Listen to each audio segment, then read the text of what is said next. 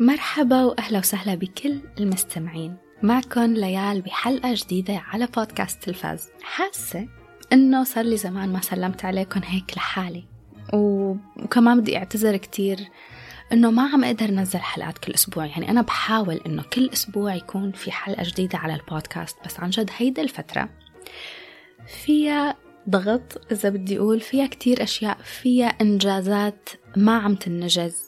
وأشياء لازم تنعمل وما عم تنعمل وبأجلها. وكل يوم بقول يلا اليوم اللي بعده. المهم عجقة كتير وبعرف في أشخاص بيبعتولي وبيسألوني عن الحلقات. فعم تكون هيك تبع كل عشرة أيام حلقة بس بوعدكم إنه إن شاء الله إن شاء الله من بعد ما تخلص إجازة الصيف إن شاء الله أكيد بتكون الحلقات أكثر بأوقات محددة. هاي الحلقة بصراحة يعني عندي أشياء بدي أحكي عنها عندي كتير أشياء بدي أحكي لكم عنها بس ما عم أعرف كيف بدي بلش. من وين بدي بلش؟ ما عم أعرف رتب أفكاري. يمكن لأنه ما في كتير وقت أقعد لحالي وأنا من الأشخاص يلي كتير بيحبوا يقعدوا لحالهم وهي الجلسات هي يلي بيطلع فيها الأفكار. بس في كم شغلة رح أحكي لكم عنها أكيد بعرف شو هن مثل فيلم بيست آه مثل مسلسل شي هالك فرح أخذكم هيك بجولة سريعة على شو حضرت هاد الأسبوع. فما رح طول كتير بالمقدمة. يلا خلونا نبلش. قبل ما فوت هيك بتفاصيل الحلقة ومثل العادة إذا استرسلت كتير بالحديث رح أنقل المقطع كله وحطه بآخر شي لحتى إذا جاء على بالكم تسمعوا فيكم تسمعوا فقبل ما بلش حابة أطمن عليكم. انتو كيفكم؟ شو أخباركم؟ مين بإجازات؟ برات البلد؟ جوا البلد؟ بتمنى أنكم تكونوا عم تقضوا وقت كتير حلو. بعرف أنه في كتير أشخاص رجعوا من الإجازات بسبب العجقة الصبح. زحمة السير اليوم كانت مو طبيعية. فأنا اليوم قاعدة عم فكر آه رجعوا على الدوامات العالم. مشان هيك المشوار الصباحي اللي كان ياخد معي 15 دقيقة هلأ صار ياخد معي 40 دقيقة. روحة رجعة يعني 40 روحة و40 رجعة فاليوم كان عندي وقت كافي إني أقعد لحالي بالسيارة بيني وبين أفكاري هيك. وتطلع معي كمية هائلة من الأفكار والأشياء اللي فيني أحكي لكم إياها ودردش معاكم فيها. هل على موضوع العجقة يعني أنا مني من الأشخاص يلي بتضايقوا من زحمة السير أبدا لأنه بحب بحط أوديو بوك بحط بودكاست بقعد بسمع بعتبره وقت هذا هيك وقت لحالي. فعن جد بستمتع فيه. بس في شي بيزعجني اللي هو توتر العالم التانية يلي بتكون عم تسوق.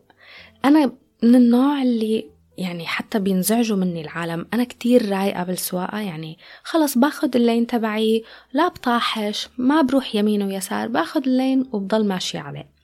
وبترك مسافة أمان. هلأ هي مسافة الأمان بتزعج كتير عالم بعرف بعرف.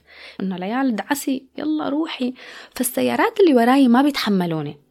هلا مو دايما هيك بترك مسافة أمان بس مرات إنه خلص ما نحن أربعة lanes على أم سقيم علقانين بنفس العجقة على حصة على أم سقيم. وين ما كنتوا كلنا علقانين بنفس العجقة. يعني حتى لو خليت مجال لسيارتين it's fine ما حدا رح يوصل قبل التاني بنص ساعة. يعني maximum رح تفرق معك دقيقة دقيقتين. وحتى كتير مرات بيكون في أشخاص بيجوا بيطاحشوا علي. بالأخير بنوصل أنا وياهم على نفس ال exit بنفس الوقت. فشو كان الفايدة من كل هذا الموضوع؟ من الأساس.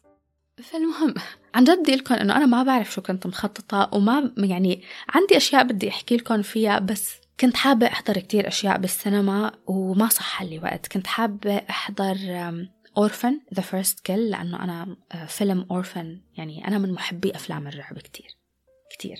يمكن already أنتوا صرتوا بتعرفوا هذا الموضوع. فكنت كتير حابة أروح أحضره بس ما صح لي وقت بس حضرت فيلم Beast لأنه لإدريس ألبا فكنت كتير متحمسة عليه Lions don't do that. At least no lion I've ever seen. Go back to the cars. Dad, Dad, please!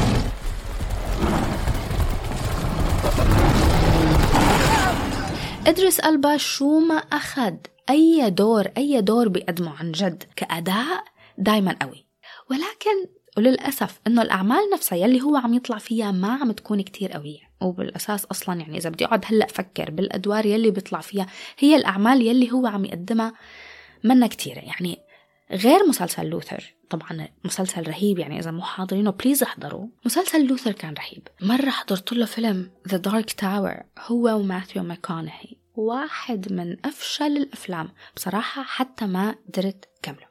بس هون بدي أتوقف على فيلم حضرته على فكرة. ما بعرف إذا حكيت لكم عنه من قبل. فيلم لإدريس ألبا. ما بعتقد إنه في كتير ناس شايفينه اسمه The Mountain Between Us هو وكيت وينسلت الفيلم حبيته كتير. كتير. هو مستند من رواية بنفس الاسم. يعني إدريس ألبا وكيت وينسلت إنه you can't go wrong. يعني واو واو. الجاذبية بيناتهم كانت خرافية. هلا قصة الفيلم ما رح كتير طول هون بس قصة الفيلم هو survival romance ودراما الاثنين بتتحطم طيارتهم بجبال جليدية وبيحاولوا البقاء على قيد الحياة. أحداثه بترافق الشخصيتين. يعني هو منه أكشن سريع وأحداث عم تسابق بعضها. لا هو أكثر عن العلاقة يلي بتنشأ بيناتهم واعتمادهم على بعض ليبقوا عايشين والمواقف الصعبة يلي بيمروا فيها والقرارات الأليمة يلي ممكن يضطروا ياخدوها. فهذا عن فيلم The Mountain Between Us المهم خلوني أرجع معكم لفيلم Beast إذا في حدا حابب يحضره Beast بكل بساطة إدريس ألبا هو وبنتينه الاثنين بيروحوا برحلة بأدغال أفريقيا بسفاري هيك الجيب تبعهم تتعطل بنص البرية وبيوقعوا بمواجهة مخيفة ضد أسد مفترس. هذا هو الفيلم. هيك يعني ما تروحوا مع توقعات عالية كتير أبدا. أو إنه تتوقعوا رح تشوفوا شيء يعني ممكن يعيد صياغة هذا النوع من الأفلام. لا ما في هيك شيء أبدا. مهم كتير إنه المشاهد. يفكر بشغلة. يعني هيك أنواع من الأفلام. هيك أنواع. إنه ساعة ونص. كيف رح يقدروا يخلقوا أحداث ومواقف تقدر تعمل فيلم كامل؟ هيدا النقطة كتير كتير مهمة. الفيلم رح يكون ناجح كتير إذا كان كل حدث منطقي. مدفوع من شخصيات بتعمل قرارات منطقية. بس لما يبلشوا الشخصيات يتصرفوا بطريقة أو بشكل منه منطقي. يعني بتحسوا حالكم كمشاهدين وهذا الشيء صار معي بتحسوا حالكم كمشاهدين؟ بلشتوا هيك بينكم وبين حالكم تقولوا أو حتى ممكن تصرخوا على ال screen إنه come on ما هو قال لك ضلي بالسيارة. ف please لو سمحتي ما تحسي ابدا ابدا منك مضطرة ما تحسي إنه لازم هلأ تثبتي لأبوكي إنه انت البنت المثالية يلي رح تنقذ الموقف كلياته. لا لو سمحتي ضلي بالسيارة بدون هذا التهور. ف فيلم Beast بأوله عن جد كان مشوق وبشد لأنه الفكرة عن جد بتشد. يعني خلص بدكم تعرفوا شو بده يصير بالآخر هذا الأسد يعني مين رح يأكل مين رح ينتهي. كل هذا بشد. بس بعد تقريبا ما في شي نص ساعة حسيت إنه فرطت القصة هيك فرطت من بين إيديهم. صار في كتير تصرفات وهذا الشيء اللي كنت عم حاول أقوله إنه في تصرفات منا منطقية. يعني بنظري على القليلة منا منطقية. هذا الشيء عن جد عن جد زعجني. يمكن ما يزعج كتير من المشاهدين بس أنا بعتبرها نقطة ضعف. هلأ ما عم أقول إنه الفيلم ما حلو أبدا. لا في مواقف بتحبس النفس وهيدا لحالة ممكن تكون سبب كافي إنه الواحد عن جد يستمتع بمشاهدته بالسينما. وخاصة يعني هون في شغلة وهيدا على الجانب الإيجابي. في مشاهد ومناظر ولقطات عن جد فيها إبداع بالتصوير. بس أنا وصلت لمرحلة بالفيلم إنه صرت يعني بصف الأسد إنه please معلش الأسد يفترس هيدا البنت ويخلصنا منها. وحسيت للحظة كمان أنا وقاعدة عم بفكر إنه لو كان الفيلم بس إدريس ألبا هيك لحاله بالأدغال بمواجهة هذا الأسد كان الفيلم رح يكون كتير أقوى من هيك. مين حضره؟ فبليز خبروني أنتو إذا حضرتوه شو رايكم شو رايكم عن جد بفكرة إنه الأحداث بتمشي بس من وراء تصرفات متهورة وتصرفات غير منطقية. هذا الشيء عم شوفه كتير بالمسلسلات وبالأفلام الحديثة. تقييمي هو ستة من عشرة. هذا التقييم بعطيه لشوية مواقف قوية خلتني هيك قاعدة على أعصابي ولكن الفيلم بينحضر وبينسى بسرعة. بدي أجيلكن لمسلسل يا الله قديه سعيدة إني حضرته إني بلشت فيه. ويمكن تتفاجئوا إنه أنا مني حاضرته. Better Call Saul Saul Saul? Saul good, man. Let me tell you about a young guy. They called him Slippin' Jimmy. في كم شخص بعتوا لي وسألوني إذا رح أحكي عنه خاصة إنه الحلقة الأخيرة منه للموسم للمسلسل كلياته آه طلعت من قبل أسبوع فكتير أشخاص بعتوا لي إنه ما رح تعملي حلقة على بيتر كول سول أكيد رح أعمل عنه حلقة أكيد بس مش اليوم. لأنه ما بلشت أحضره إلا من قبل ثلاث أسابيع وهلأ صرت بالموسم الثالث. فإن شاء الله أكيد أول ما خلصوا كلياته رح أعبر لكم عن مشاعري لهذا المسلسل الرهيب رهيب رهيب. يعني أنا بحب المسلسلات عن جد وبقدر المسلسلات يلي بتتجرأ إنه تاخد وقتها لتبني الأحداث والشخصيات. Breaking Bad كان هيك و Better Call Saul هيك. على مهلهم بس عرفانين إنه لما يوصلوا للموسم الثالث رح يعني كلنا رح ننشد وعقلنا وتفكيرنا ومشاعرنا كلياتها رح تنجذب لهذا العمل. هلأ أنا ليه ما حضرته من قبل؟ في أسباب أكيد ليش ما حضرته من قبل. كنت خايفة. كنت خايفة إني أحضره. لأنه كتير بحب Breaking Bad يعني ما فيني أقلكن Breaking Bad لإلي بعرف إنه في أشخاص ممكن ما يحبوا وبحياتي الشخصية في كتير أشخاص حتى ما قدروا يحضروا. بس Breaking Bad بالنسبة لإلي wow. فكان عندي خوف إنه يعني لما أحضر Better Call Saul يشوه هيدا الصورة يلي عندي إياها. ونوعا ما يخرب لي مشاعري القوية تجاه هذا المسلسل. بس من بعد ما صرت أسمع ناس عم تحكي عنه خاصة بمواسمه الأخيرة تشجعت وهون بدي أشكر من كل كل قلبي بدي أشكر كم شخص على الإنستغرام يلي بيتابعوني هن يلي أصروا أصروا علي إنه أحضر Better Call Saul. هلأ في عالم عم يسألوني إنه عادي ينحضر Better Call Saul بدون ما تكونوا حاضرين Breaking Bad. هون بقى الجواب لهذا السؤال منه بسيط. إنه بينحضر. إيه ممكن ينحضر. إنه فيه هي الشخصية اللي هي جيمي ميغل وفيها شخصيات تانية مثل origin stories فممكن ينحضر. بس بس. في شيء يلي مستحيل يوصل لقلب المشاهد. ابدا ما رح يوصل إذا ما كنتوا حاضرين Breaking Bad يعني ممكن تحضروا ويعجبكم بس تجربة المشاهدة رح تكون كتير كتير أقوى إذا كنتوا حاضرين Breaking Bad فهلأ وصلت للموسم الثالث. I think إني وصلت لأجمل حلقة لهلا بهدول المواسم.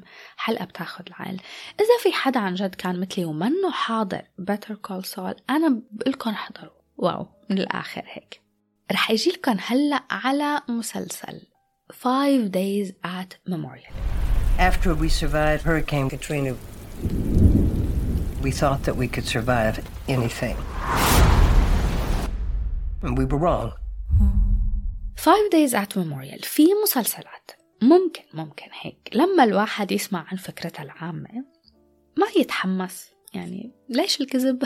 أنا لما سمعت عن Five Days at Memorial ما تحمست. هو واحد من هدول المسلسلات بالنسبة لي لما سمعت عنه إنه هو بيرافق الأحداث المأساوية يلي نتجت عن اعصار كاترينا يلي ضرب أمريكا بال 2005 هون حسيت إنه آه إنه أوكي رح احضره رح أحضره. ليش؟ لأنه أول شي عندي ثقة بأعمال Apple TV Plus صرتوا بتعرفوا هذا الموضوع. السبب الأهم إنه رح أحضره لأنه البطلة الرئيسية هي فيرا فرميجا من Bates Motel من أفلام Conjuring بحبها بحبها. تمثيلها تمثيلها روعة.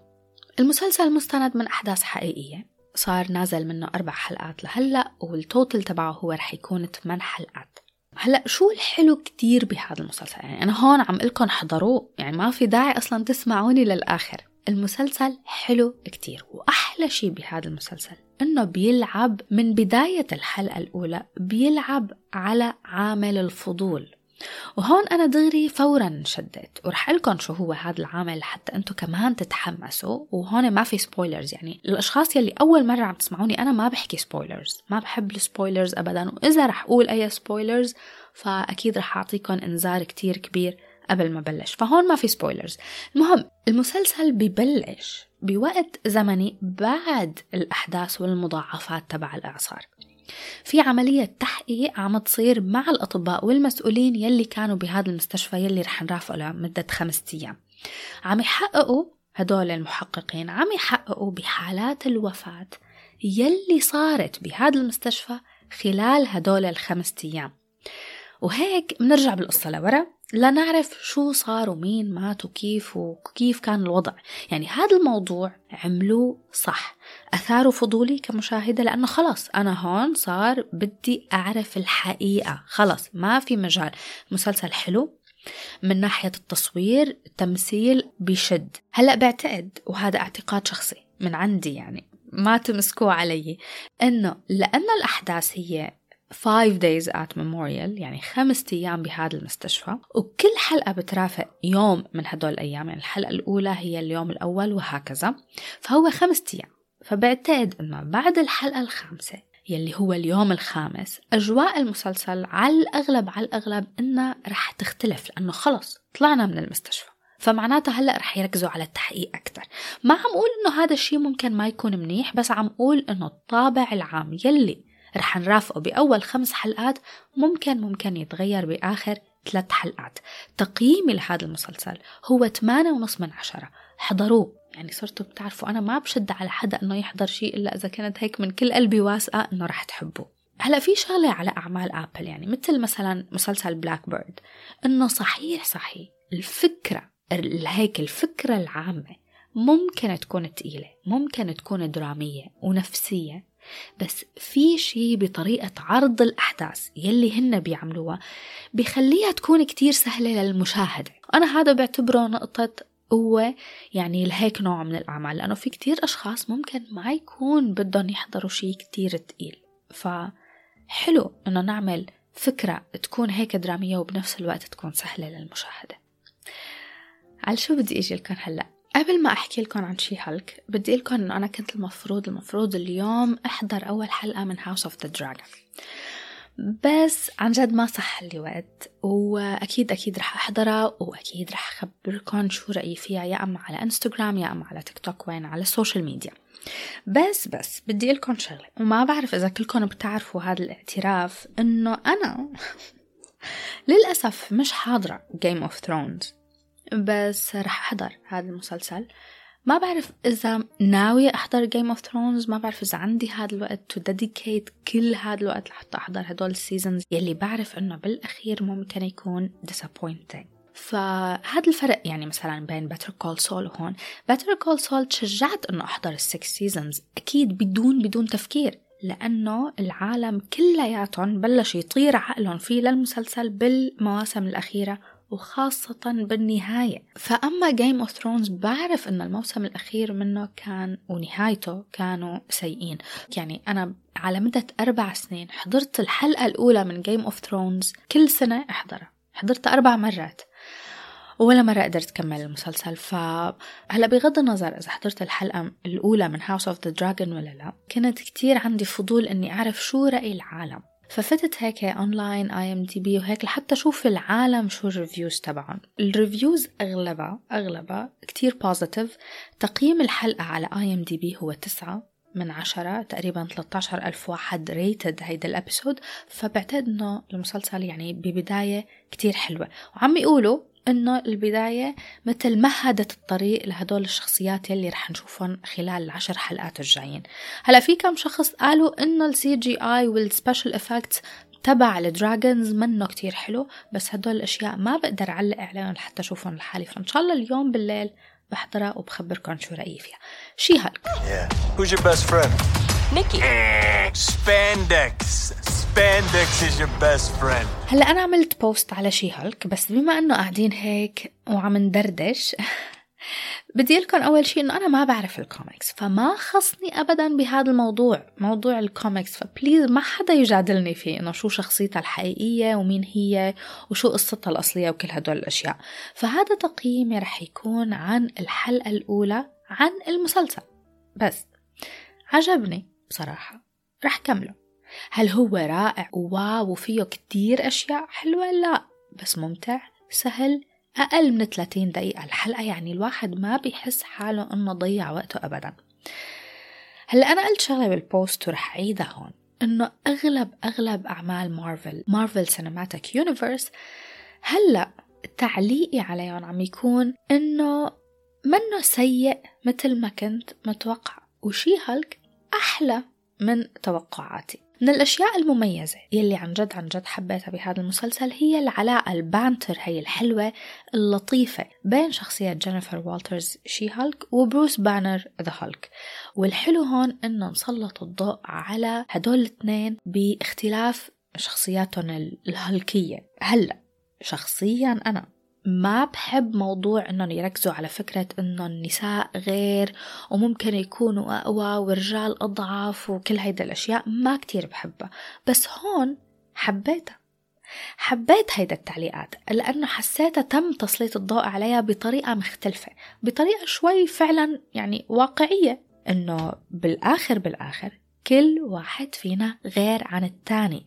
فمن الطبيعي إذا هيك شي صار يعني على الحقيقة إنه أشخاص يصيروا سوبر هيروز من الطبيعي وبعتقد إنه الشي الواقعي كتير إنه كل واحد فينا رح يكون عنده ويظهر قدرات مختلفة عن التاني. فهذا الشي كان فعلا حلو إنه كيف ورجوا هذا الاختلاف وسلطوا الضوء على هذا الاختلاف بين شي هالك وهالك. هذا الشي عن جد عجبني.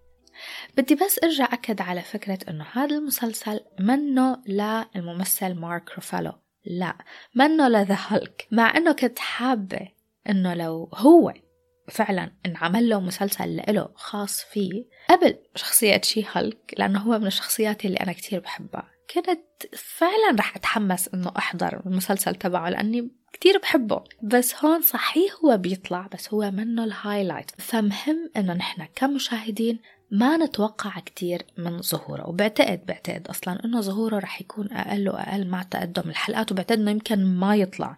لأنه لأنه شخصيا حسيت إنه دوره هون نوعا ما انتهى. يعني هي محامية وهالك بنفس الوقت يعني مش بس عضلات. ولكن كمان مخ وذكاء. وهذا الشيء متحمست له. يعني بدي أشوف هيدا الكومبو وحدة ذكية ومحامية كيف رح يقدروا يستخدموا هذا الشيء بموضوع السوبر هيروز تمثيل البطلة الرئيسية تاتيانا مسلاني حلو.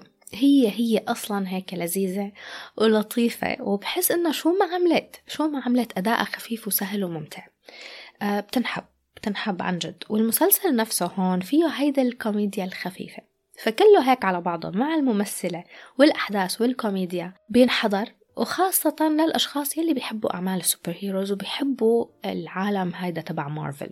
بس ممكن لحظة بس ممكن هون في عندي تعليق صغير خليني لكم إياه. ممكن الشيء الوحيد يلي علق عليه هو من يعني ما رح كون كتير قاسية بس ال CGI فيه ضعف واضح منه بشع بس بتحسوا إنه ضعيف ومنه متعوب عليه. في وحدة بعتت لي على تيك توك قايل Shrek و Fiona عن جد بتحسون Shrek و Fiona بس بس بحس عندي إحساس كتير قوي إنه هذا المسلسل رح يصير أقوى مع تقدم الحلقات. هو رح ينزل أسبوعيا لحتى يكون total الحلقات تبعه تسعة. وقصير مثل ما قلت يعني 30 دقيقة أقل من 30 دقيقة فممتع للمشاهدة. يعني عطوه فرصة هيك بتحسوا ما ضيعتوا وقتكم فيه أكيد. وعم يعرض على Disney. Plus فالمهم ليال شو عم تحكي؟ فالمهم يعني كنت قاعدة هيك قاعدة عم فكر يا الله هدول العالم المتوترين حرام. يعني ما المفروض الواحد يبلش الصبح تبعه بهذا التوتر وأنا بفهم الكل لأنه في أشخاص يعني أنا 40 دقيقة في ناس ممكن تكون جاية من الشارقة مدري من وين بيكونوا صار لهم يعني مو بإيدهم. It is very stressful كتير. انه الواحد يكون بده يوصل على مكان وهو مو بإيده لأنه علقان بزحمة السير فأنا بفهم هذا الموضوع بس كنت قاعدة عم فكر اليوم. تعرف شو كنت عم فكر؟ يا محلى يا محلى أيامات الكورنتين أيامات اللي بعد الحج الصحي تبع كوفيد. أيامات يلي كان معظمنا بيقدر يشتغل من البيت. كانت الطرقات فاضية. وحتى العالم يلي على الطريق بيكونوا رايقين. يعني ما في هذا التعصيب تبع السواقة. يعني البيئة مرتاحة من التلوث والنفسية نفسية الأشخاص مرتاحين من ال stress. طيب فيني أنا هون هيك أعلق على هذا الموضوع شوي. إنه يا جماعة يا مدراء يا CEOs يا كل المسؤولين بهدول الشركات طيب ليه ما بتريحونا وبتريحوا البيئة؟ وكونوا flexible فهذا اللي كنت قاعدة عم فكر فيه إنه بدي أعمل حملة سميها كونوا flexible خاصة للمدراء. يعني هن المدراء ال micromanagers هدول المدراء يلي عندهم قابلية للسيطرة المفرطة فيني أقول شوي زايدة عن حدها. أنا كنت مفكرة أنه بعد ال quarantine كنت متوقعة أنه كتير شركات رح تبلش تطبق نظام مختلف للدوامات. إنه ثلاثة أيام من البيت يومين من الشغل آه، ساعات عمل مختلفة. توقعت إنه هذا الموضوع شوي يتعدل. بس هلأ أغلب هدول الأشخاص اللي هن المدراء ال micromanagers ممكن ما يكونوا بيعرفوا حالهم. يعني أنا كنت قاعدة عم فكر بهذا الموضوع إنه هن أكيد ما بيعرفوا إنه هن micromanagers هن بتعرفوا مين right? right? بتعرفوهم. أكيد أكيد قابلتوا مدير من هذا النوع. يلي هلا أنا لأني مني موظفة هلا ففيني أحكي بأريحية. المدير يلي إذا الموظف ما كان قاعد قدامه على مكتبه هيك شايفه تسع ساعات بفكروه إنه ما عم يشتغل. الموظف يلي بيجي متأخر هو موظف متقاعس عن أداء عمله. هدول اللي بيكونوا علقانين بالعجقة هن عالم متقاعسين عن أداء عملهم. فمشان هيك بيكون في stress تكون انت متأخر وعرفان انه مديرك رح يعطيك هيدا النظرة المزعجة أول ما تفوت. والموظف يلي بيحكي مع زملائه وبيروح lunch breaks فهو عم يضيع وقته. هيك هيك المدراء بيشوفوكم معظم المدراء في مدراء كتير nice وطيبين. فأنا بدي أقول هون إنه صدقوني صدقوني يا managers صدقوني إنه الحياة كتير أبسط من هيك. الشخص عم يشتغل ارتاحوا. من البيت من ال coffee shop الساعة تسعة الساعة 12 الشغل عم ينشغل. يعني ما في مهرب من هذا الموضوع أبدا. الموظف بيعرف ينسق وقته. كونوا فلكسبل الموظف يلي ما بيعرف يشتغل من البيت رح يجي على المكتب أكيد. الموظف يلي ما بيعرف ينسق وقته أكيد رح يخلص الأشياء اللي متراكمة فوق راسه. يعني بالآخر بالآخر. نحن كموظفين رح نتحمل هيدا المسؤولية. إذا ما سلمنا شغلنا بالوقت المحدد رح نتقلع. بالأغلب. يا أما verbal warning يا أما warning يا أما whatever it is رح نتقلع. فأكيد أكيد رح نسلم شغلنا. هلأ اشتغلنا الأسبوع كله تسع ساعات لنسلمكم هيدا ال task أو اشتغلنا ساعة بالأسبوع لنسلمكم ال task. إنتو إلكن بشغلة وحدة. إنه الشغل وال task تم. كيف تمت العملية وقديش قعد الواحد كم ساعة قضى على هيدا الشغلة. انتو يعني please ارتاحوا. please في وظائف ممكن تنعمل من البيت ممكن تنعمل يا أخي من القمر ممكن تنعمل من أي مكان ممكن الشخص يكون مسافر وعم يعمل شغله. فشو المانع؟ كونوا flexible إذا خايفين ها هاي شغلة تانية. إذا خايفين إنه الموظف يلي انتو اخترتوه ما حدا جبركن عليه.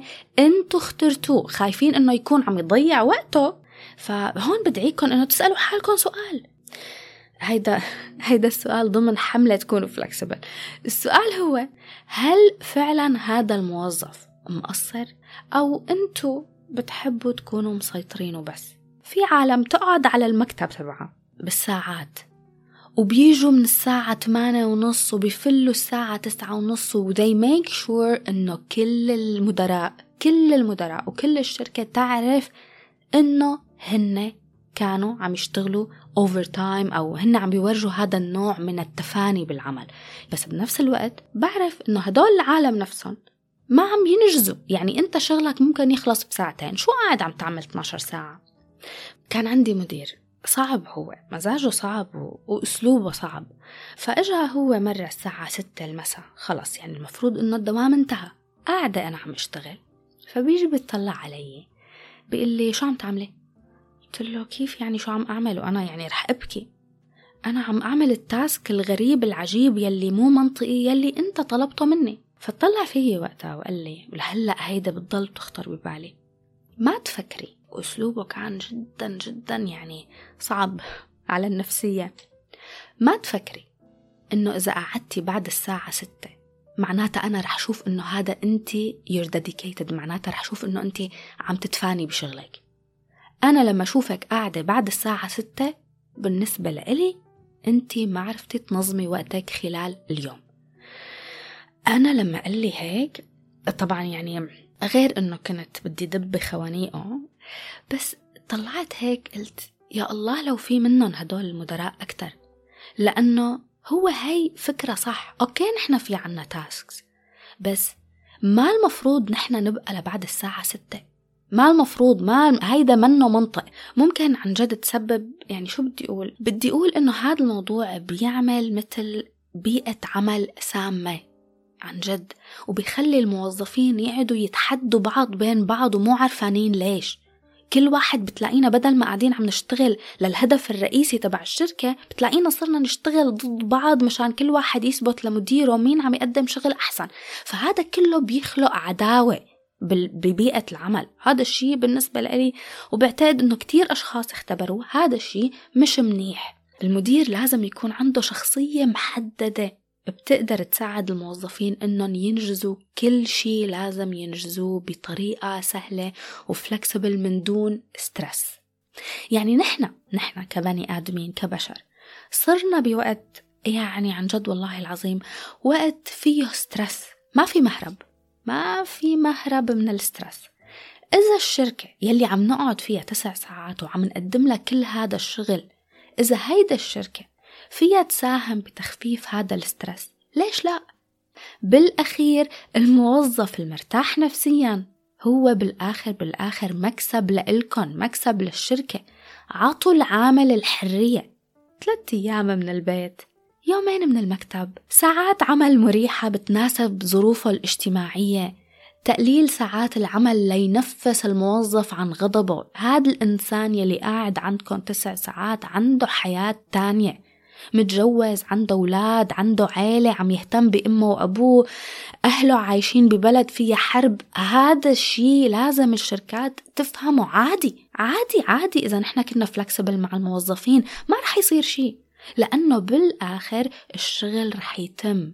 وإذا ما تم فيكم تتصرفوا. فبالآخر عن جد نحن كبار ومسؤولين ومنعرف الصح من الخطأ. فموضوع إنه يكون في micromanagement هذا الموضوع ما رح يحسن من شيء. وأكيد بالآخر ما رح يحسن من التوتر يلي العالم ببلشوا نهارهم فيه. إنه ما المفروض الإنسان يبلش الصبح تبعه بهيدا العداوة وبهذا اللي هو طبعا نابع من stress أكيد. آخ هذا الموضوع قاعد على قلبي. عن جد. توقعت إنه من بعد يعني الفترة يلي مرينا فيها هدول السنتين تبع الكوفيد توقعت إنه كتير شركات ممكن تطبق نظام مختلف. الشركة نفسها فيها تحافظ على السلامة النفسية والعقلية للموظفين الموظف المرتاح مكسب للشركة. خلص هيك ارتحت. فشيت خلقي. قبل ما فوت بحلقة اليوم شكرا لكل المستمعين يلي رافقوني بهيدا الحلقة.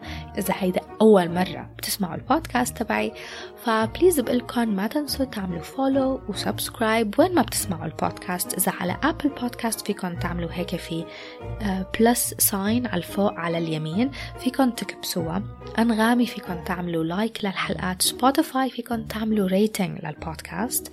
هلا هذا الشيء طبعا لإلي بيعني لي كتير أكيد بس كمان بيساعد إنه لما تنزل حلقة جديدة دغري بيبعتوا لكم notification إنه في حلقة جديدة نزلت. يعني أنا كتير مرات عن جد هي كتير صايرة معي بعد ما كنت دورت لي شي ساعة بسمع بودكاست وبنسى أعمل له follow ولما سكر Apple Podcast تطبيق بتروح. وين بدي أقعد؟ أرجع هلأ دور ولاقيه.